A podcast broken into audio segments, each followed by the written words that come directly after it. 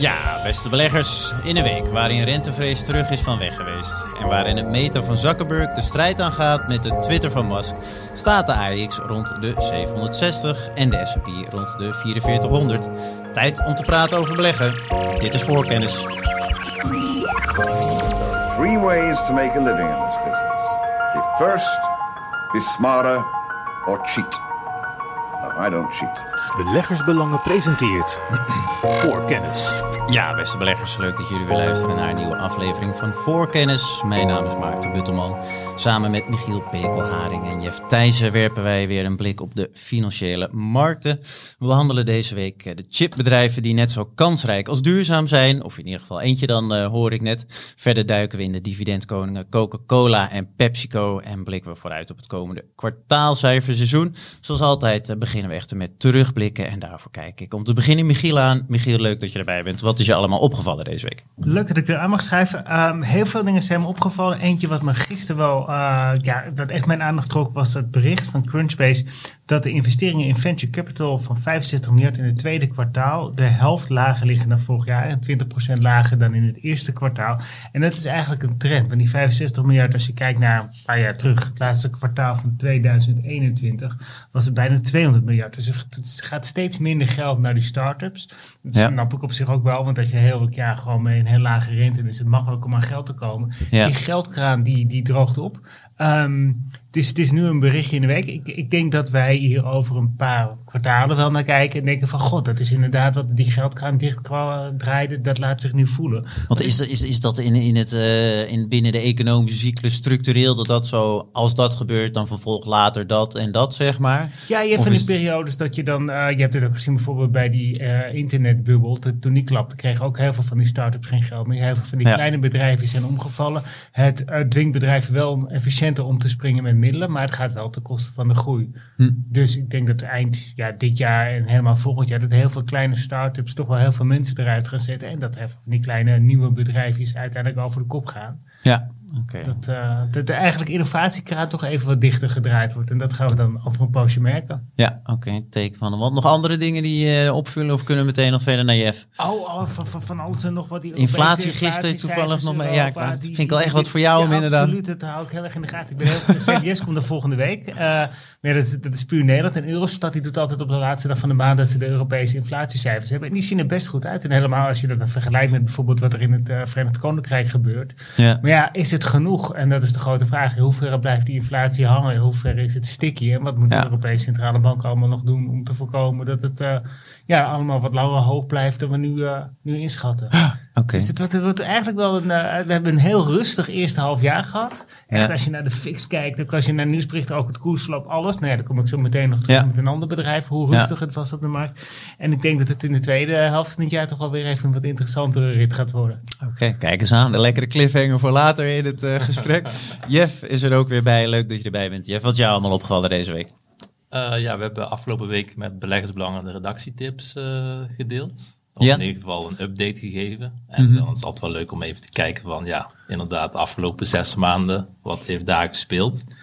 Uh, ik beleg graag dicht bij huis. Dus ik heb ook even gekeken naar de verschillende indices. We hebben die dan het afgelopen zes maanden gedaan. En er zijn toch wel heel grote verschillen. Bijvoorbeeld de AX-index, total return was 13,9 procent. Maar de AMX die heeft een verlies opgeleverd van min, ja, min 1,4 procent. Dus een groot, een groot verschil. verschil inderdaad, ja. ja. Terwijl de kleintjes het vaak ja, historisch gezien in de eerste zes maanden het beter, beter doen. doen. Omdat ja, voor de kleintjes vaak minder aandacht. Maar in de eerste helft van het jaar is er vaak wel veel aandacht. Want er zijn de vergadering van aandeelhouders. Uh, ze komen met de jaarcijfers, dus dan zijn ze meer in het nieuws. Dus dat vond ik opvallend. Is dat niet ook weer gewoon die artificial intelligence hype? Dat die gewoon de chipbedrijven hoger stuurt? Ja, alle aandacht dat, is inderdaad naar die... Uh, verschil maakt? Ja, door, die, uh, door al die nieuwsberichten over uh, AI... Ja. is daar uh, ja, minder aandacht voor geweest. En ja, ook opvallend, de Bel 20 index. Ik wou net zeggen, ja, ik wil, ook ik wil bijna vragen. Ja. Min 1,8 procent. Dat is ook weer een groot verschil. Ja, die hebben toch minder die technologie ja. aandelen in die, in die hoofdindex zitten. En ja, inderdaad, wat je zegt, ja, de grote bedrijven, ja, de echte winnaars waren inderdaad Bezi, ASMI. En uh, ik zie ook Philips op plek 3 van grootste stijgers. En op Ja, 4 terug ASML. van weg geweest. Ja. Dus eh, regio Eindhoven ja, is toch weer iets aan het winnen. Voor de luisteraars, eh, waar Jeff vandaan komt, dat zijn de regio. Jeff, mag ik heel even vragen, hoe kijk jij hier dan naar? Heb je iets van, oh, maar het is eigenlijk een heel wankele basis voor die stijging, alleen die technologie-aandelen, dus ik maak me zorgen? Of kijk je er juist naar van, eh het is eigenlijk maar een paar bedrijven, er zijn nog heel veel bedrijven die nog omhoog kunnen, straks wordt het breder, gedra- breder gedragen en dan gaan we met z'n allen omhoog. Hoe kijk je hiernaar? Eh, nou ja, ik heb vorige, ik denk niet vorige week, maar twee weken geleden zat ik ook in de, in de podcast. En toen had ik het over dat we al heel lang in een langdurige eh stierenmarkt zitten. Eh, iets meer dan 14 jaar. En het gemiddelde was volgens mij 14,6. Eh, en dat het inderdaad veel gedragen wordt door enkele namen. En dat die namen extreem zijn gestegen. Want ja, als je kijkt in, in Amerika, ik had daar wel een lijstje bij van de eerste zes maanden. Dan hebben we, nou, nou, laten we eens kijken, Nvidia plus Grote tech-jongens 190, allemaal, plus ja. 190 procent. Meta plus 140 procent, Tesla 112 procent. Dus ja, het is allemaal wel inderdaad Alles heel hard te gaan door die, dit- door, die klein, door die kleine groep. Ja, En eh, ja, ik zie het ook zelf terug. Ik ben al, al, al, al wat langer terughoudend, ook omdat er alternatieven zijn nu met eh, bijvoorbeeld de obligaties. Hebben we het toen ook over gehad van ja, boven de 5%. Dus ik ben al wat terughoudender. Bijvoorbeeld in de offensieve portefeuille wordt best veel cash aangehouden. Maar Ja. ja. die aandelen die er dan in zitten, die hebben het wel goed gedaan. ja. Eh, want ja, de drie zwaarste qua weging zijn wel ASMI, ASML en BC. Dus de portefeuille deed de eerste half jaar deed toch 16%. Eh, maar ik heb wel recent wel wat eh, ja, afgebouwd, 30% eh, ja, verkocht op die, op die grote namen. Omdat ja, inderdaad de korte termijn kunnen beleggers soms iets te ver doorschieten. Aan de andere kant, ja, timing is heel, eh, heel lastig. Ik ben nog steeds overtuigd voor ja, middellange termijn dat die aandelen het goed doen. Eh, ook al hebben ze er nu een hele goede rit op zitten. Dat wat er is- nog meer in het vat zit. Wat is jouw antwoord op de vraag, Michiel? Is tech getopt of is er ruimte voor de rest om nu ook nog eh, te komen? Ik denk dat tech wel een beetje getopt is als het, eh, zoals ik het nu zie. En voor de rest wil ik graag die vraag over een maandje beantwoorden. Als we iets gezegd hebben op de kwartaalcijfers. Want ik ben heel benieuwd wat bedrijven gaan, gaan Dat zeggen. ben ik ook. eh, het is echt, ben- de impact eh, van inflatie op welke ziet- bedrijven, welke je sectoren? Dat je ziet die twee, de, de- de twee gezichten wat je Ja. daar hebt, Ja. heb je in de economie ook. Je hebt de maakindustrie en die heeft het gewoon zwaar. Laten we wel wezen. Iedereen die heeft een nieuwe tuintafel gekocht tijdens de coronapandemie. Dat Ja. doe je niet elk jaar. Nee. Uh, aan de andere kant, die dienstensector, die blijft wel gaan. Als je kijkt naar de restaurants en reizen en vakanties en zo, uh, dat, dat blijft draaien. En um, als je kijkt hoeveel mensen opzij hebben gezet tijdens de coronapandemie, de schattingen zijn ongeveer 2 uh, biljoen dat dat in de VS geweest is. Daarvan is nog uh, ongeveer 500 miljard over, dus een kwart. Dus het, kan, het feestje kan zo nog maar een paar, paar maanden, een paar kwartalen doorgaan. Ik denk dat het eind dit jaar, 2024, dat we dan echt wel dat, of die industrie moet weer aantrekken. Dus dat je die voorraadafbouw hebt Ja. gehad. Uh, of er moet iets anders gebeuren. Anders dan wordt het echt even terugschakelen met z'n allen. Wat op zich alleen maar goed is, want laten we wel wezen. Voor uh, duurzamere groei. duurzame groei en vooral de inflatie even onder controle te krijgen. Ja, oké. Jeff, wat uh, was je nog meer opgevallen? Ja, heel veel nieuws uit de auto-industrie. Uh, ik volg namens beleggersbelangen ja, de bekende merken Tesla, Volkswagen, Mercedes. Ja. Uh, laten we met Tesla beginnen. Tesla die, uh, ja, dat is toch een van de meest populaire aandelen. Zie je vaak op lijstjes komen. En die, had, ja, die kwam voor de dag met zeer goede verkoopcijfers. Ik pak ze erbij. 466.000 voertuigen weten te verkopen in het tweede kwartaal. Dat is 4% meer dan verwacht. Dus mm. Ja, toch weer een mooie groei. En ook 83% meer dan ja, hetzelfde kwartaal een jaar eerder. Dus die blijven fors verkopen. Wel een kanttekening met die cijfers is dat ja, de belangrijkste automarkt ter wereld is China. En daar was vorig jaar nog wel lockdown maatregelen. De coronapandemie speelde daar toen nog wel parten. Dus dat kan misschien een wat vertekend beeld geven. Maar ook als we kijken naar de eerste helft van het jaar, de eerste zes maanden, toch ruim 50% meer auto's verkocht. Bizar, hebben ze wel... bizar veel of ligt dat... Kunnen, uh... kunnen ze die ook maken? Hm? Kunnen ze die ook maken? Hebben ze genoeg capaciteit om ja. aan die vraag te voldoen? Ja, ja, maar het was voornamelijk bij Tesla. Die hebben hun prijzen extreem moeten ja, verlagen. Waar, dus ja, hebben in Amerika, in China en ook in Europa hebben ze de prijzen verlaagd om ja, toch lijkt het erop om die auto's ja, aan de praat of aan de man te krijgen. Uh, dus dat is niet al te positief natuurlijk. Dus, het aandeel won 7%, maar naar mijn mening ja, is dat toch misschien wel wat optimistisch. Want uh, ja, tegen welke marges is dat gegaan? Ja. Op 19 juli komen ze met de, ja, met de Hoeveel cijfers. is er van de prijs van de Dan weten we pas van ja, wat Oké. echt ja, de impact is. Want dat is natuurlijk wel belangrijk. Ja, je wilt toch eh, wel Ja, weten zeker, wat de impact is op de winstgevendheid. Ja. Ehm, dus toch een lastige markt. Nou, wat viel nog meer op, ehm, is dat ook BYD, dus eh Build Your Chinese, Dreams, ja, ja. die kwam ook met eh verkoopcijfers. Build Your Dreams staat het voor. Karel Ja. vroeg me vanmorgen nog op de redactievergadering. Weet je waar het voor staat, Maart? Geen idee. Maar bij deze. Ja. Build Your Dreams. Ja, ga verder. Ja, dus die, eh, die verkocht in het tweede kwartaal 700.000, ongeveer 700.000 voertuigen. eh, waarvan de helft volledig elektrisch. En dat was een toename van 98%. Dus die groeien nog harder dan, eh, dan Tesla. Ja. Dus dat geeft wel aan ja, dat het toch eh, ja, een hevige concurrentie is, ook in, in China. En daar hebben gewoon ja, alle bedrijven in de sector last van. Want het gaat denk ik ook wel op termijn overwaaien naar andere regio's. Eh, en daarom zie je bijvoorbeeld ook dat Volkswagen, ja, die staat tegenwoordig nog maar tegen een koers-winstverhouding van 4. ja, die, die moet nog heel veel stappen nemen, ook op het gebied van elektrificatie. En dan komen dadelijk, ja, je hebt al Tesla die een voorsprong heeft. De Ja. Chinezen eh, komen ook steeds meer aanbieders daarvan op, op de het markt. somber in voor de traditionele partijen. Nou ja, ik zie het misschien wel somber in voor alle, alle autofabrikanten. Want het is historisch gezien al een lage marge eh, business, eh, de verkoop van auto's. Oké. En ja, als, het, als er een prijzenoorlog is en ja, een mega concurrentie, dan zijn er vaak heel weinig winnaars. Je zou dan meer kunnen kijken, misschien toch echt, ja, net zoals bijvoorbeeld wat je ook hebt gezien bij andere sectoren, is echt het luxe. Dus luxe, daar is altijd wel een koper voor en die kunnen ook hele hoge eh, prijskaartjes vragen en mooie marges behalen. En Ja. ja. toch over luxe gesproken, want ja, dan hebben we ook weer eh, een andere speler, die kwam ook in het nieuws deze week, dat was eh, Lamborghini. Oké. Die had haar laatste eh, auto's, die zijn nu verkocht met een verbrandingsmotor. Dus die kan geen eh, Lamborghini meer kopen met eh, ja, een verbrandingsmotor. nee joh. Ja, dus die zijn nu ook, die moeten er ook aan geloven. Die gaan ook ja, eerst met hybride. Dus nu kun je alleen nog maar hybride Ah, oké. ik wil net model zeggen, elektrisch of... oké. 2000, wat is het? 2028 volgens mij, volledig elektrisch. Hm. Dus ja, iedereen moet met die trend mee. Ja. Eh, maar ja, het leuke is, Lamborghini is van eh, ja, een dochter van Volkswagen. En eh, ja, Volkswagen die heeft nu een marktkapitalisatie van 70 miljard. Moeten fors investeren in elektrificatie. Dus wellicht gaan ze nu, daar wordt al heel lang over gespeculeerd, maar wellicht gaan ze op termijn, dat zou misschien nu wel verstandig zijn om Lamborghini apart naar de beurs te brengen. Want dan kunnen jullie ook een Lamborghini kopen. Le- Lekker op de beurs. Maar vorig jaar hadden ze, Lamborghini had vorig jaar 9000 eh, voertuigen verkocht.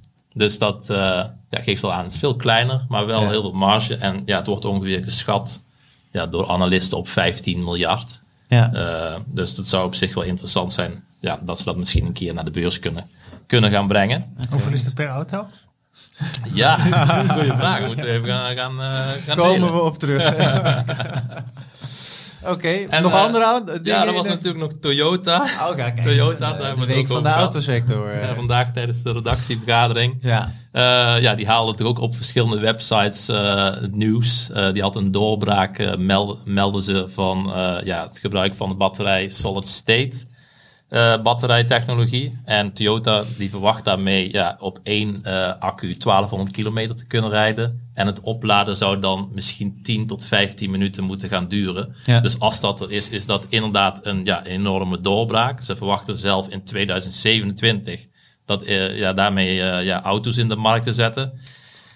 Ja, dan is de vraag van ja, als eh, analist van de sector auto-industrie, hoe kijk je daar tegenaan? Nou ja, het is al heel lang beloofd. Ja. Eh, ik vind zelf eh, ja, de, de communicatie van het management van Toyota en de betrokken persoon erbij, eh, ja, toch wel niet dat ze daar niet een al te beste reputatie mee hebben. Ik heb bijvoorbeeld gezien, nog even gekeken naar het verleden. In 2014 pakten ze al uit met, ja, in 2020 komen wij met de solid state batterij. Ja.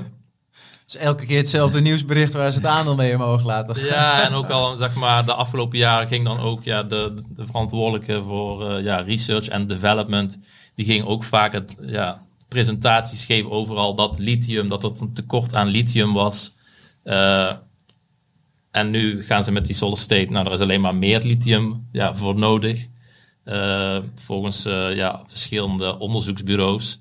Ja. Dus ja, dat is allemaal een beetje twijfelachtig. Maar als het er inderdaad is, ja, zou het positief zijn. Want ja, je hebt meer bereik. Het is ook Dan is het wel een game changer. Dan gaat de kostprijs uh, ja, sneller dalen ja. van, van de auto. En dan wordt die voor het grote publiek ja, beter bereikbaar. Maar ja, Toyota is niet de enige. Er zijn veel meer spelers. Mercedes, Stellantis, die zijn daar allemaal mee, bezig, Met, ja, met de batterij natuurlijk.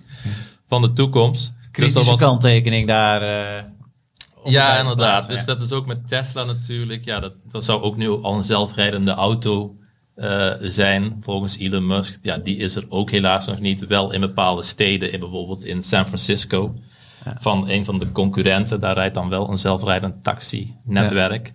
Maar uh, ja, het is nog heel veel toekomst. Uh, muziek. muziek. Oké. En wie de uiteindelijke winnaar is, ja, dat is nog steeds twijfelachtig. Dus we hebben op dit moment geen, ja, de, in ieder geval Tesla, Volkswagen, Mercedes, geen, geen enkel heeft een koopadvies op dit moment. Bij beleggersbelangen. Nou, kijk eens aan. Dan mocht je ook de rest willen uh, kijken. Alle onze andere adviezen kan je vinden op beleggersbelangen.nl. Uiteraard. En daar kan je ook een abonnement uh, afsluiten. Nog heel kort voor het blad. Als we toch uh, dingen aan het promoten zijn. Uh, benoemd echt welk artikel wil je dat de luisteraar zegt van nou dit heb ik geschreven deze week dan ik, moet er beurs en economie vond ik het leukst om te schrijven. Dat was eigenlijk dat gaat over de Japanse aandelenmarkt en vooral de kleine mid- en small caps. Wat doet de beurs daar? Die jaagt eigenlijk de bedrijven aan van jongens jullie moeten gewoon de waarde die erin zit veel beter naar buiten brengen. En bedrijven die doen dat. En dat, dat, ja, dat, dat geeft sommige koersen een gigantische impuls. Oké, Helder en Jeff, wat heb jij geschreven voor het blad wat uh, de luisteraars nog moeten lezen? Uh, nou, ik vind de, de redactietips vind ik altijd wel leuk. Uh, kan je ook zien van, van, van, van alle directe collega's. Waar, ja, wat zijn ze nu toch ja, enthousiast over? En dat zijn meestal over het algemeen ook tips waar ze dan ook zelf uh, achter staan. een positie in hebben. Ik heb een van mijn aandelen is die ja, het redelijk heeft gedaan het eerste half jaar. Geen uitblinker zoals ja, ASML of bijvoorbeeld of BC. ASML had ik overigens wel bij mijn persoonlijke redactietips. Maar bijvoorbeeld Kinopolis vond ik wel interessant. Uh, bioscoopketen. Bioscoopketen. Ja. En uh, ja, dat blijft gewoon een interessant uh, verhaal. En ook, ja, ik heb al iedere keer in de podcast gegeven dat ze allerlei iedere keer leuke manieren vinden om de winstgevendheid uh, te, verhogen. te verhogen. Bijvoorbeeld de weegschaal weg. Heel veel snoepen. Ja. Puntzakken vervangen door vierkante zakken, zodat mensen, ja, mensen en kinderen meer snoep in die zakken gooien. En dat, dat werkt, want ze hebben een hele goede reputatie met... Het is geen groeimarkt, maar ze, ze hebben een goede reputatie met uh, andere bioscopen overnemen. En volgens mij binnen ja, een hele korte tijd weten ze dan ook ja, de, de EBITDA, operationeel resultaat, te verdubbelen. Gewoon door ja, hun sausje feitelijk daaroverheen te strooien van hoe, hoe zij uh, te werk gaan. Oké. Nou, dat en meer te lezen dus uh, in het blad van deze week. Voorkennis. Tijd voor het eerste onderwerp en dat betreft chipaandelen. Uh, niet zomaar chipaandelen overigens, want het ene chipaandeel is het andere niet. En uh, niet elk bedrijf hanteert dezelfde strategie. En sommige chippers varen bijvoorbeeld een veel duurzamere koers dan andere. Uh, en is dat dan een rendabele route, Michiel?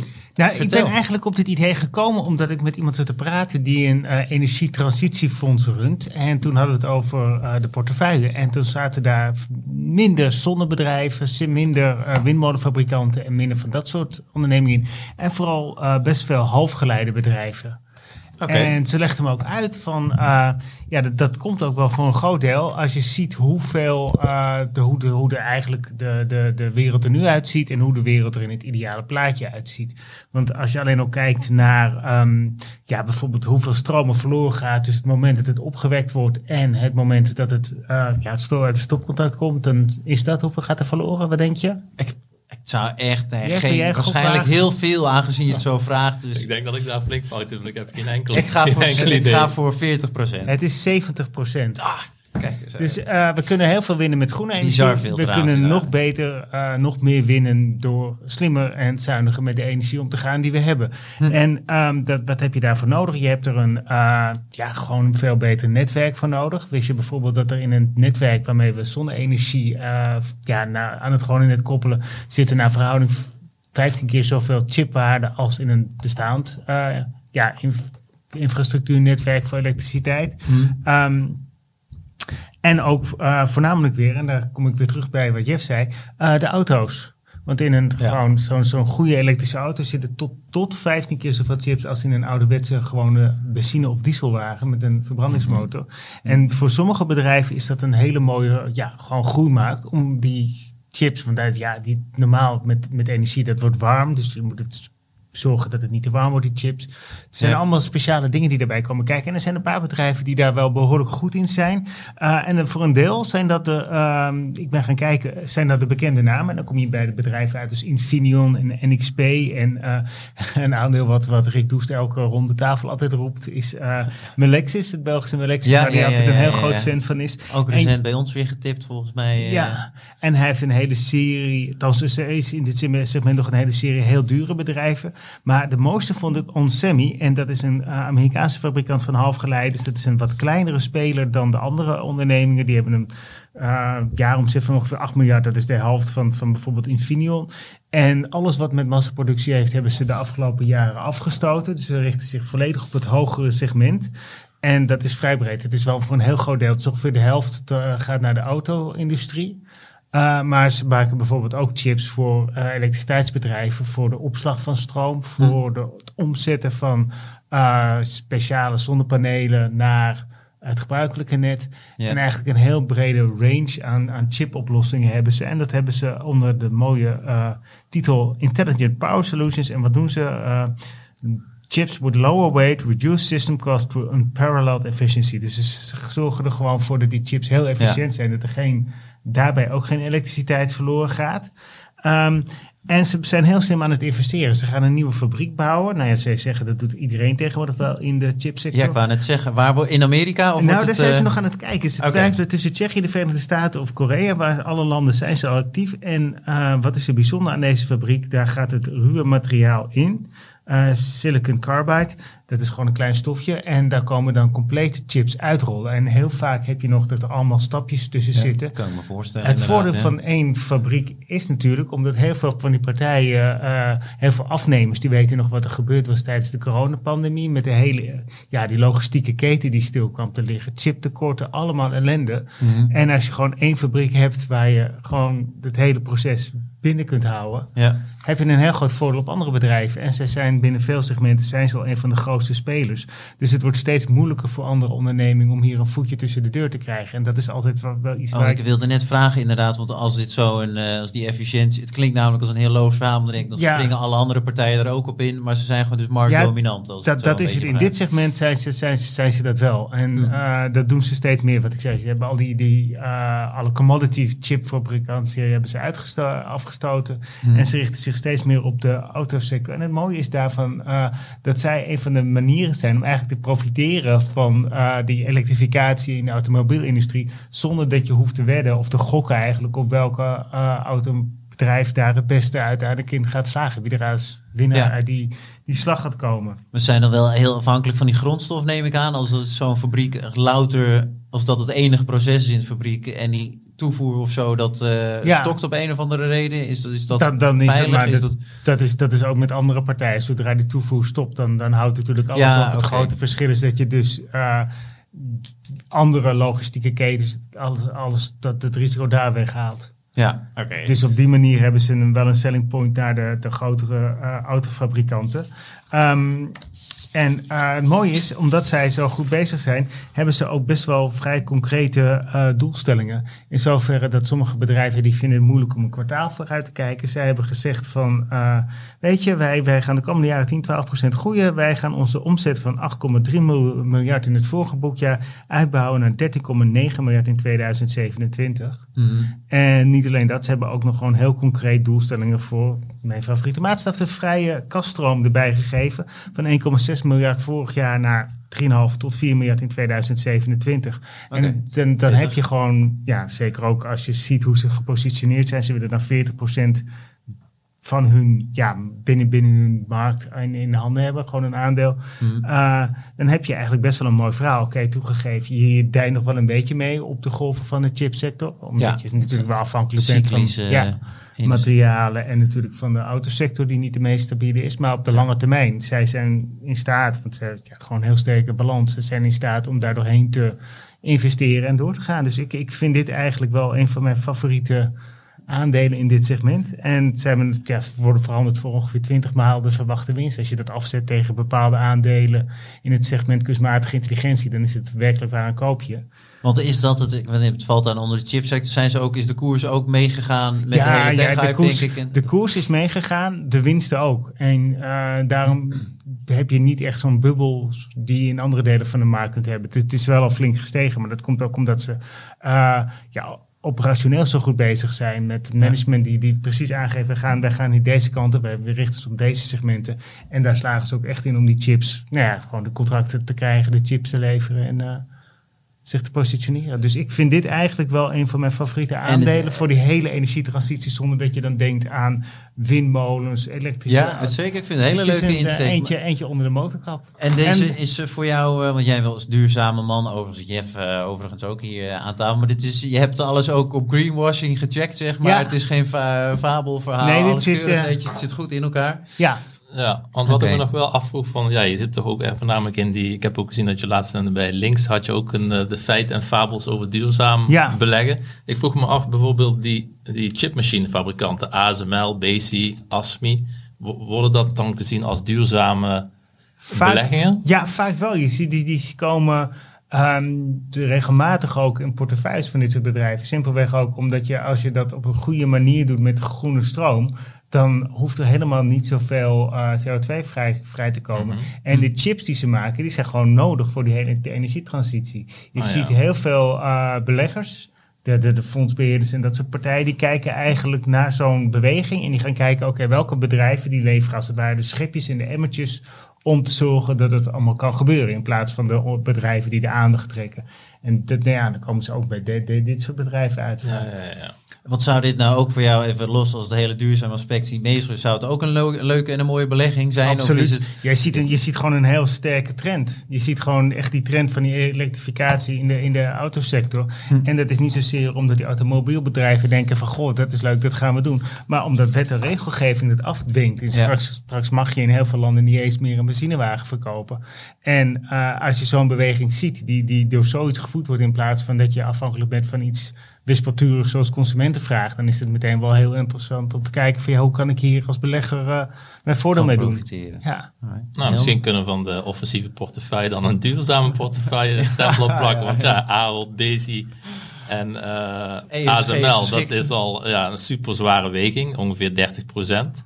Uh, daarnaast, wat heb ik er nog meer in, in in, uh, ingestopt. Bijvoorbeeld een uh, Aalberts. En Aalberts heeft 6% van de omzet komt uit verduurzamen van gebouwen. Daarnaast hebben ze ook weer een stukje gerelateerd aan de chipsector. Uh, we zitten ook in SIF van de, van de, de monopaals. Ja. ja. Ook voor de ja, windmolens. windmolenparken offshore. Ja, dus wat dat betreft, uh, ja, moeten, ja, we, moeten we eens een keer goed gaan kijken. offensief is tegenwoordig uh, is duurzaam geworden. Dat is, want dat vind ik op zich wel een grappig. De duurzaam, over het algemeen bij duurzaam beleggen, leef je iets in aan rendement.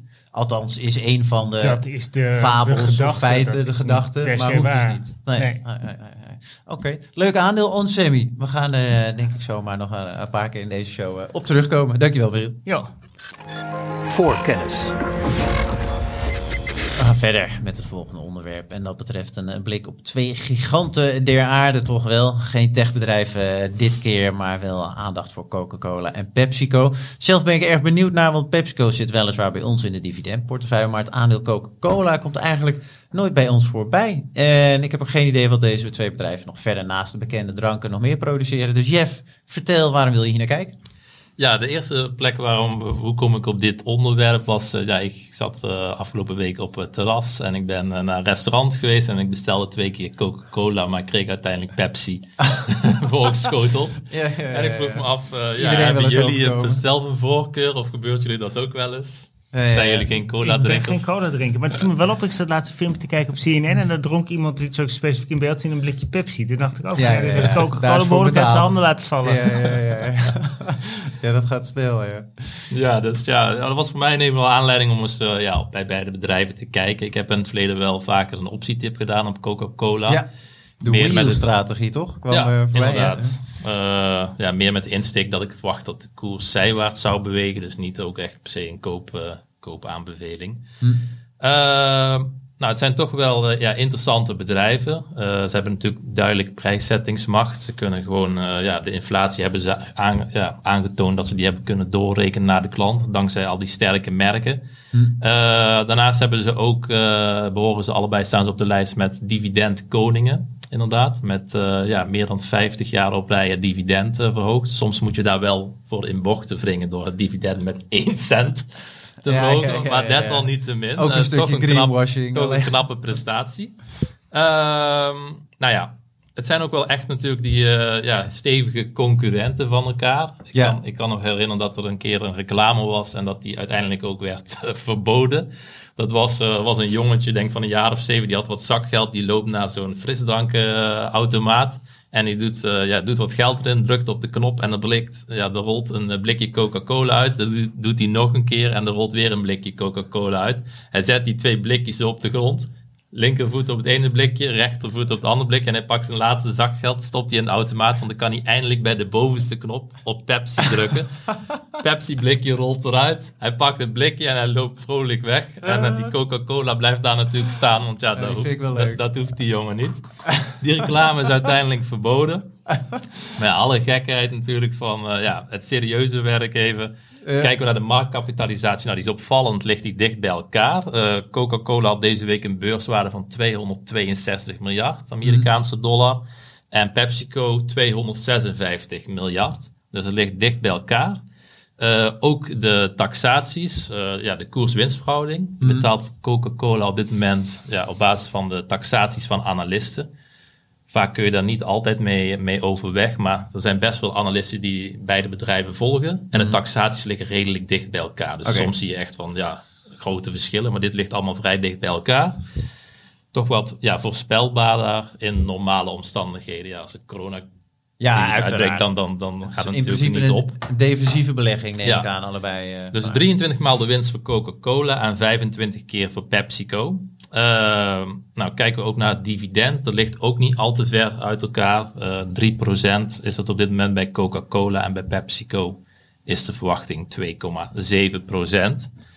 Uh, dus beide interessante bedrijven. Wat, uh, wat, zijn ze nog? Daar ben ik, zijn ze, in hoeverre zijn ze nog concurrent van elkaar? Doen ze echt naast? Ik ken ze dus echt alleen van de frisdranken, maar wat zijn nog meer de takken waar ze in zitten? Heb je nog en zeg snacks en dat soort uh, dingen? Volgens mij wel. Ik heb niet alle, de, alle namen. Eh, ik zag in ieder geval dat uh, eh, 58% van de omzet van PepsiCo vorig jaar was, kwam voor uit, voort uit snacks. Dus dat is wel snacks. Frito-Lay divisie, die, die werd ooit door de topman van PepsiCo. Is dat dan Lees? Ja, ja, ja werd, chips, ja. werd gezegd van oké, dit is onze nucleaire afschikking, afschikking ten opzichte van Coca-Cola. Dat zelfs als zij die prijzen echt heel erg ver verlagen, dan hebben wij altijd nog de snackdivisie om daarmee de prijzen aan, of de, de strijd aan te gaan. Zodat ah. zij nooit uh, de, echt een complete prijsoorlog aan durven te gaan.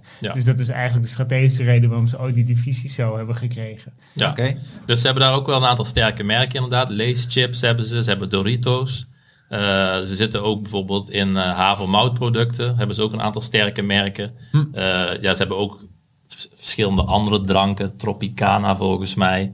Uh, ja, Coca-Cola heeft natuurlijk Fanta, Sprite. Uh, Dasani zijn ze heel groot mee geworden in de VS. En heeft hij ook nog andere dingen? Dat, of is bij hun wel frisdrank nog meer groot, drank? Is, ja, is, dus feitelijk kan je ze niet helemaal vergelijken, want je zou zeggen PepsiCo is voor de helft een concurrent van Coca-Cola en voor de helft meer een, ja, een bedrijf zoals Unilever. Ja. Uh, met allerlei producten. Uh, nou, ik heb ook even gekeken, altijd belangrijk, voordat je ergens in gaat beleggen, even naar de schuldenpositie. Nou, bij, mhm. bij beide bedrijven ziet dat er gewoon toch wel uh, ja, solide uit. Uh, een bekende schuldratio, netto schuld, EBITDA, ligt bij allebei ja, op 1,9. Dus ook wat dat betreft doen ze niet veel uh, ja, voor Giel elkaar onder. tevreden, dus dat is mooi. Ja, nee, dit soort bedrijven gewoon voorspelbaar groeien. Dus zou best wat hoger kunnen liggen. Dat... Ja. wat ik ook nog wel altijd leuk vind bij dergelijke beleggingen, omdat het ver van huis is. Je hebt geen, uh, ja, je kan, je hebt geen contact met het management. Uh, dat kan bij, ja, bij de aandelen hier dichter in Nederland en België kan dat wel. Dus dan kijk ik altijd even naar van, zit er ook een bekende guru in? Een uh, leuke website is uh, ja, dataroma.com. Daar kun je allerlei uh, ja, gurus bekijken die een goed track record hebben. Er staan er denk ik ongeveer 40 op. Misschien 30. Inclusief Michiel Pekelharing of dat nog net niet? oh nee, nee, nee. Inderdaad, bij Coca-Cola heb je Warren Buffett zitten. Die heeft volgens de website 7,6% weging in zijn aandelenportefeuille naar Coca-Cola. Hm. Enkel de posities Apple, Bank of America en eh, American Express hebben een zwaardere weging. En bij PepsiCo zien we een andere guru terug, weliswaar minder bekend, maar die zeker ook wel in lijstjes voorkomt als van John Templeton, Bill Ackman, Seth Klarman. Dat is eh, Donald Jachtman. Ik weet niet of je er ooit van gehoord hebt. Ja. Oké. Ja, dus die heeft een positie. Het is zijn derde grootste positie. De eerste positie is Canadian National Resources. Dat is olie en gas in, Ja. in Canada. Ja, maar dit zit, Buffett zit ook heel groot in de Inderdaad. energie, jongens. Dat, Tweede positie is Microsoft. En derde is dan eh, PepsiCo. Dus dat geeft mij al wat... Ja, eerst ga je natuurlijk je eigen sommetjes doen, eh, maken. En dan ga je vervolgens kijken van... Ja, Extra rust en zijn er ook nog andere... eh, komt dat overeen met anderen? En in ieder geval, je weet... Ja, ze hebben een goed track record. Ze kunnen er ook naast zitten. Maar ze hebben in ieder geval vaak wel goed hun huiswerk gemaakt. Mhm. Maar ja, ik heb persoonlijk een voorkeur voor Coca-Cola. Maar als je gaat beleggen, wil je natuurlijk weten wat is je eh, voor het drankje dan, hè? Daar heb ik Oh. een voorkeur voor. Ik zat Maar- al op het aandeel. Als je- Ja, open ik ogen ja. erin. Ja, blijkbaar ja. Het is toch Ja. een show over Maar eh, ja, als je gaat beleggen, wil je toch iets wat, eh, ja, ja, wat rendement zorgt, wat eh, ja, geld in het laadje brengt. Ja. Dus eh, kijken we naar de prestatie op de beurs. Ja, wie doet het dan het beste? Nou, afgelopen vijf jaar is dat duidelijk PepsiCo. Ja, viel En- me wel op. Ja, Coca-Cola is best wel zijwaarts. Je wheelstrategie zal goed zijn uitgepakt, eh, denk ik zo. Maar Ja, inderdaad. Dat, dat, dat aan, dat, die, die wielstrategie werkt. Dat, ik zal straks misschien nog even kort uitleggen wat, dat- wat dat inhoudt. Maar eh, in de afgelopen vijf jaar levert een belegging in PepsiCo 14% gemiddeld rendement op. En eh, Coca-Cola 9,8% per jaar. Ook nog steeds niet slecht. Het zijn in ieder geval winnaars. Want ja, heel veel bedrijven weten helemaal geen waarde te creëren voor aandeelhouders. Eh, bijna niet slecht, maar PepsiCo doet het dus duidelijk eh, beter. Eh, maar beleggen is vooruitzien. En dan is de vraag, ja, voor deze podcast heb ik toch wat dieper in ge- gedoken. Ja, kan PepsiCo dit vasthouden? En is PepsiCo inderdaad ja, wellicht de meest verstandige keuze? Eh, nou ja, ik denk het wel nog steeds als ik beide vergelijk. Eh, wel zeggende dat de waardering is toch wel erg hoog. 23 en 25 keer de winst. Eh, dus ja, wat terughoudendheid is op zijn plek. Ik heb ook even overlegd met, met Menno van de dividendportefeuille. Wij zitten nu toch wel echt allebei op een houtadvies voor beide bedrijven. Althans, alleen voor PepsiCo. Daar zijn we allebei over een houtadvies. Met Coca-Cola, dat is mijn eigen, eigen mening. Maar eh, ja, mocht er een, eh, ja, een dip zijn op de beurs, is het zeker een interessant eh, aandeel om, ja, naar mijn mening, om wat blootstelling aan te krijgen binnen een vrij ja, mooi gespreide portefeuille. Ja. Waarom dan PepsiCo? Nou, die heeft gewoon betere groeivooruitzichten dan Coca-Cola. En dat heeft alles te maken inderdaad met die snackdivisie. Want is dat ook, ik kan me voorstellen dat de hele gezondheidstrend eh, geen wonderen doet voor het businessmodel van deze bedrijven. Zitten zij met die snackdivisie ook in wat gezondere Ja, ze hebben segmenten? inderdaad, eh, Havermout ook- zei je al bijvoorbeeld. Ja, ze hebben inderdaad ook blootstelling aan eh, ja, wat gezondere eh, snacks. Eh, bijvoorbeeld die, die havermout. Maar ja, desalniettemin moet toch niet onderschatten dat het wel een groeimarkt is, de snacks. Ja, Eh, Waarom? Doordat eh, ja, dat de trend naar gemak bij de consument, blijkt toch uit verschillende onderzoeken, dat daar toch wel ja, groei valt te behalen. Eh, kijken specifiek naar, ehm, naar PepsiCo, dan ja, kan het bedrijf eh, ja, ook nog wel geografisch echt mooi groeien in vergelijking tot Coca-Cola. Overal waar je in de wereld eh, ja, komt. Ik ben ook ooit op wereldreis geweest. Nou ja, in elke Within hoek. een arm's reach was het toch altijd. Je moet altijd Ja. binnen één armlengte moet je Coca-Cola kunnen. Binnen elke, ja, overal vind je, een vind je een. Coca-Cola. En bij PepsiCo zie je dat ja, die, die, de, de drank, eh, Pepsi, dat ja, 50% daarvan nog echt allemaal in de VS wordt gerealiseerd, de omzet. Dus die, die hebben nog wel echt kans om geografisch te spreiden. Eh, het is daarnaast ook dat eh, ja, ze nog mooie stappen kunnen maken op het gebied van kostenefficiëntie. Daar investeren ze nu ook in. Eh, als je de rapporten leest van verschillende analisten, zie je ook echt dat ze inzetten op ja, automatisering, digitalisering, om daarin ook een slag te slaan om toch ja, efficiënter te kunnen, kunnen werken. En eh, ja, die categorie snacks blijft toch nog wel eh, een groeimarkt. Uh, er wordt gewoon de komende jaren toch ook autonome groei verwacht. Daar investeren ze dus ook in. Bijvoorbeeld hebben ze recent uh, aardappelfabriek, gaan ze dan uh, in Polen uh, geïnvesteerd. 250 miljoen dollar.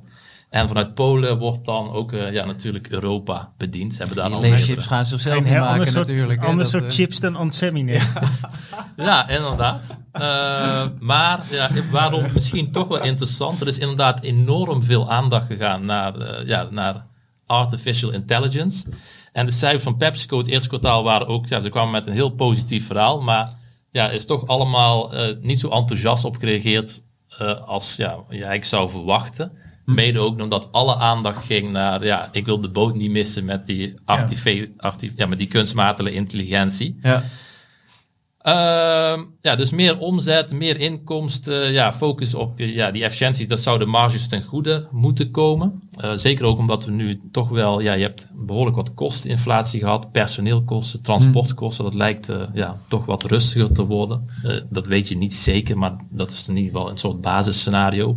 En dat zou ook weer goed moeten uitpakken op, op de marges. Ehm in 2022 hadden ze een eh, winst per aandeel behaald van 6,40 dollar. En ja, de analisten rekenen met op 2027 op 9,90 dollar. Dus ook nog winstgroei Mogelijk. Ja. per aandeel. Waardering dus wel stevig. Dus ja, ik zou zeggen, ja, bij voorkeur wellicht misschien positie opbouwen. eh, gespreid in de tijd.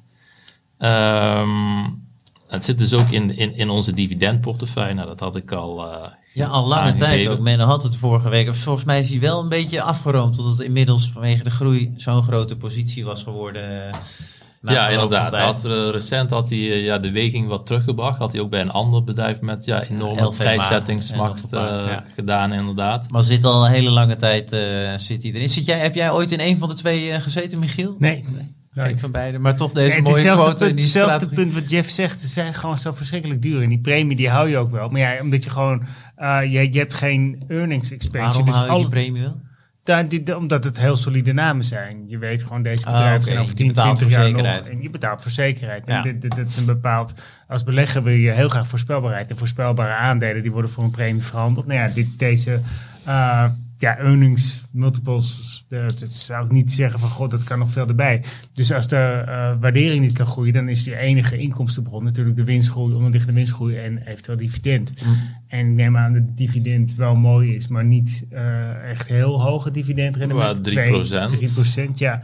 Ja, en de winstgroei, dat zal, ja, het is niet, ik, ik zie de, eh, ik zie absoluut de plaats in portefeuilles voor dit soort bedrijven, maar als je ook ziet de problemen met, met sugarteksten, zoals je het in het Verenigd Koninkrijk hebt en andere dingen, dan weet ik niet of deze ondernemingen voldoende snel mee kunnen bewegen. Het is, het is meer, ja, Nou, Zou- daar ben ik zou- zou PepsiCo met name ook, snap ik de voorkeur voor PepsiCo vanwege dat hele snacksgedeelte. Ja. En dan met name die duurzaamheidstrend. Want als dat inderdaad doorzet, dan kan ik me ook wel voorstellen dat ze ja, en daar ook wel beter toch ja, die enorme prijszettingsmacht. Want het- het- bijvoorbeeld in het eerste kwartaal verhoogden ze de prijzen met 16%. En eh, ja, je zag geen verschil in de volumes. Dus ja, het is toch een Ja, product dat wat zo laag, eh, ja, de prijs is al laag. En eh, ja, dan kun je makkelijk eh, ja, die prijs verhogen. Het is niet dat de consument dan snel zegt van, oh, dit is mij te duur. Nee. Ik kies voor huismerk of ik drink geen, eh, drink geen cola. Of, geen- ik laat, ik laat de, de, de, de chips die, die, die je kan opeten, die laat ik liggen in het schap. Ja, mensen blijven toch gewoon doorgaan Ja. met, met consumeren. Dus wat dat betreft zijn er wel mooie defensieve beleggingen beide. De voorkeur dus voor PepsiCo, maar inderdaad, ja, de waardering is op dit moment erg hoog. Dus zeker wel aandelen voor op de watchlist te zetten. Ja. Eh, en ja, een aandeel Coca-Cola, wat ik zelf heel lang heb, eh, mee heb gedaan, is eh, zeg maar die, eh, inderdaad die, die optiestrategie. ja, die zal ik anders voor de luisteraars wel leuk. Anders wordt het een heel lang verhaal als we die nu ook nog gaan toevoegen. Maar die kan ik wel even in de show notes ja, dat is zetten. helemaal goed. Daar is altijd een mooi artikel over gekomen, wordt de hele strategie uitgelicht. Alright, dankjewel Jeff. En ik zag toevallig om een brugje naar het volgende hoofdonderwerp te maken dat volgende week PepsiCo met cijfers komt. Dus eh, kunnen we er dan ook nog op terugkomen. Voorkennis. Verder naar het laatste onderwerp en dat is het eh, kwartaalcijferseizoen. Ehm, zoals gezegd, PepsiCo komt volgende week al en in Nederland is het ook aan NSI onder andere volgende week. En voor mij persoonlijk begint het echt als ASML voorbij is gekomen. Dan weet ik ook dat mijn werk een stuk drukker gaat worden. En eh, Michiel dacht het is een mooi moment om even eh, te gaan kijken wat er al gebeurd is en wat er nog komen gaat. Absoluut, ja. Wat er al gebeurd is, de winstwaarschuwingen en wat er gaat komen. De bedrijven waar ik eigenlijk vol uh, spanning zit te kijken wat voor cijfers zij gaan ontvouwen. Maar eerst even een uh, stapje terug. Um, volgens FactSet, en dan kijk ik even naar de Amerikaanse markt voordat ik overschakel naar de Nederlandse. Gaan sure. winsten in de, van de S&P 500 bedrijven met gemiddeld 6,8% dalen in het tweede kwartaal. Uh, dat zou de grootste winstdaling zijn eigenlijk sinds de coronapandemie. En het valt ook op, want eind maart rekenen dan is nog op een winstdaling van 4,7 procent. Dus Waar komt het verschil vandaan? Uh, het is niet één specifieke factor. Als je kijkt naar hoe dat zit uh, verspreid over bedrijven. En natuurlijk energiebedrijven, die krijgen de zwaarste klappen. Maar bijna elke sector, daar uh, staat de winst onder druk. In de afgelopen maanden zijn maar liefst 67 winstwaarschuwingen gekomen. Dus als je kijkt naar, naar dat, wat dat betreft ligt de lat vrij laag. Hebben bedrijven de lat vrij laag gelegd. De beleggers die hebben dat natuurlijk met een vrij flinke winststijging in het eerste ja. halfjaar behoorlijk hoog gelegd. Dus het wordt, wordt spannend te zien. Nou ga ik even terug naar wat er in Nederland gebeurt. En daar zijn twee winstwaarschuwingen die ik wel uh, interessant vind om er even uit te halen. In de eerste ja. plaats is dat DSM. Die zijn uh, naar buiten gekomen met het bericht dat door de tegenvallende ontwikkelingen op de vitaminemarkt de aangepaste EBITDA in het tweede kwartaal uitgekomen is op 420 miljoen. Dat was een jaar eerder nog 582 miljoen. Ik moet trouwens DSM Firmenich gezegd, zeggen tegenwoordig. Ja. Uh, en dat was, uh, dat, dat, was eigenlijk wel een heel grappige reactie, want de koers die veerde, veerde op. Ja, maar dan heb je toch als bedrijf, ik zat, het, ik zat in te leveren dat artikel, want je hebt twee weken geleden ja. inderdaad, als je dat als je met een winstwaarschuwing de koers omhoog laat gaan, dan heb je communicatief wat laten liggen volgens Dat hebben ze gigantisch. Ze hebben zo lang niks van zich laten horen. Want ja, we hebben natuurlijk die, die fusie gehad. Nou, dat verliep ja. niet allemaal zo soepel als iedereen had gedacht. Bovendien net je daaromheen nog de ellende dat uh, Firmenich werd aangeklaagd als kartelbedrijf binnen de uh, smaakindustrie. Samen met okay, andere oh spelers. Ja, dus ja. Dat, dat speelde mee. Maar de koers van, van deze Firmenich is, is veel harder gedaald dan de andere bedrijven die daarin genoemd werden. Dus het was echt puur die, die, die communicatie naar buiten toe. En ik heb het idee dat er achter de schermen van alles er nog wat ja, gebeurde eigenlijk. Dat, dat onder druk wordt alles vloeibaar, maar dat hele afdeling in elkaar geschoven moeten worden. Mogelijk ja, een macht, machtsstrijd. Het wie, niet wie rapporteert aan wie. En ja. uh, een van de twee topmannen eruit. Het is uh, ja, een gigantisch geschuif geweest. En dat het gebrek aan communicatie daarover is een van de belangrijkste redenen waarom die koers zo, zo verder omlaag ja, kachelde in combinatie met ellen op de vitaminemarkt. Want wat was er op de vitaminemarkt precies gaande? Overcapaciteit. Je hebt een aantal jaar gehad, dan was er een tekort. En nu, uh, met name in China, zijn de prijzen heel laag, is de productie heel hoog. DSM heeft al enkele fabrieken, faciliteiten tijdelijk stilgelegd. Simpelweg omdat het, uh, ja, de prijzen dan zo onder druk. En wat ze nu gezegd hebben van jongens, wij gaan gewoon uh, echt heel flink in die tak snijden. Uh, we, gaan, we zetten echt even een uh, ja, bedrag daarvoor opzij. En we gaan de kosten daar in dat vlak 200 miljoen nog even extra omlaag duwen. Uh, maar wat, wat ook wel geholpen heeft, behalve dan dat ze duidelijkheid schepten over waar ze nu precies staan. En de vitaminepijn die er flink was, net even iets minder groot is dan beleggers vreesden, is ook dat ze hebben gezegd van jongens, op de lange termijn houden we vast aan onze doelstelling. Dat is een operationele, ja, organische groei van 5 tot 7 procent. Hm. En een EBITDA marge van 22, 23 procent. En dat zei het, ja, dan heb je, als je dat lukt, kan je uitgroeien tot gewoon, nou ja, noem eens wat, zo'n zo, zo betrouwbaar, voorspelbaar bedrijf zoals Coca-Cola en Pepsi. Je hebt dan niet die naam, maar je hebt, je hebt, wel gewoon een, uh, binnen hun segment een goede voorsprong op andere bedrijven, die, waar ik altijd naar zoek. Uh, en dat is in dit geval niet het merk, maar dat is de innovatie. En het is ook dat er ja, vrij weinig spelers zijn uh, binnen hun segmenten, zodat je eigenlijk wel uh, vrij hoge prijzen kan rekenen. Vandaar ook die EBITDA-marge die best wel echt fors is. Dus ik ben wat dat betreft wel gesterkt. Van, ja, ik, ik kijk vol verwachting nu naar die cijfers. Wanneer komen ze met cijfers? Weet je dat? dat was volgens mij in augustus, pas 2 augustus okay. uit mijn hoofd. Ja? Maar die, ja, dat klopt inderdaad, die... Michiel. Ik had het al paraat bij. Het is 2 augustus.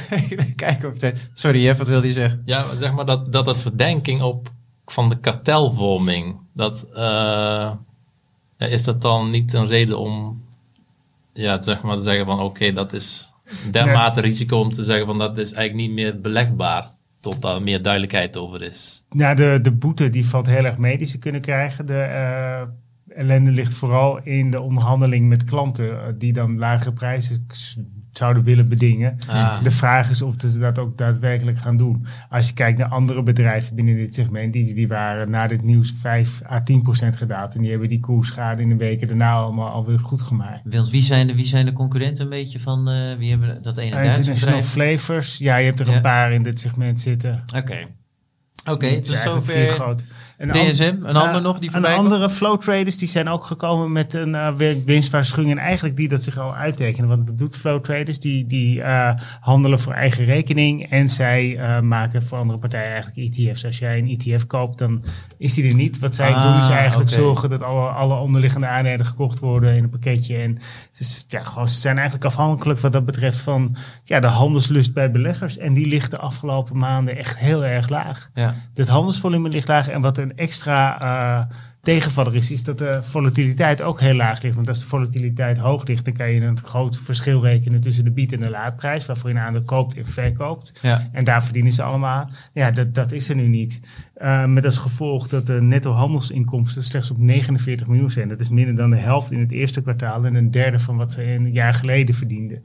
En Dat eh, dat is druk door die markt. Ik ben ook heel benieuwd eh, hoe, hoe andere partijen in dit segment, of het gewoon echt die concurrentie is die toegenomen is. Maar wat zij echt naar buiten brengen is, dit is, dit is een eh, ja, cyclisch gebeuren. Het is niet de trend. Het is niet eh, als, als straks de vlam in de plant staat, dan verdienen we weer goud geld. En dan moet je terugdenken aan nou ja, 2021 of 2020 eigenlijk, met de coronapandemie. Ja. Dat hebben ze in het hele jaar hebben ze echt iets van, van 10 euro per aandeel verdiend.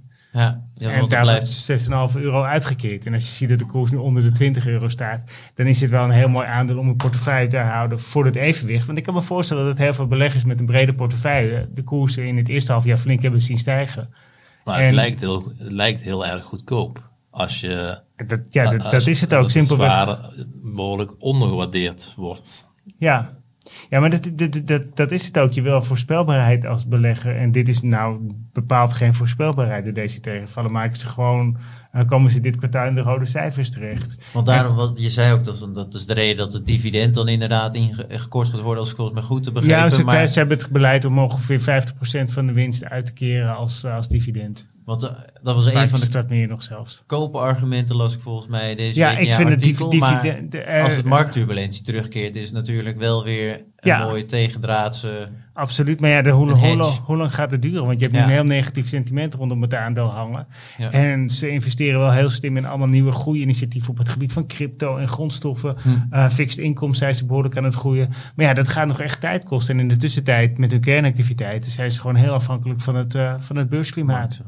Alright, tot zover de winstwaarschuwingen. En je keek ook nog uit naar echt even, specifieke even kort, dingen. kort twee, twee bedrijven in Nederland waar ik echt heel benieuwd naar ben. Ik heb 25 juli in mijn agenda geschreven, want er komt Axo Nobel naar buiten. In november vorig jaar is daar Gregoire Pou Guillem aan het roer gekomen te staan.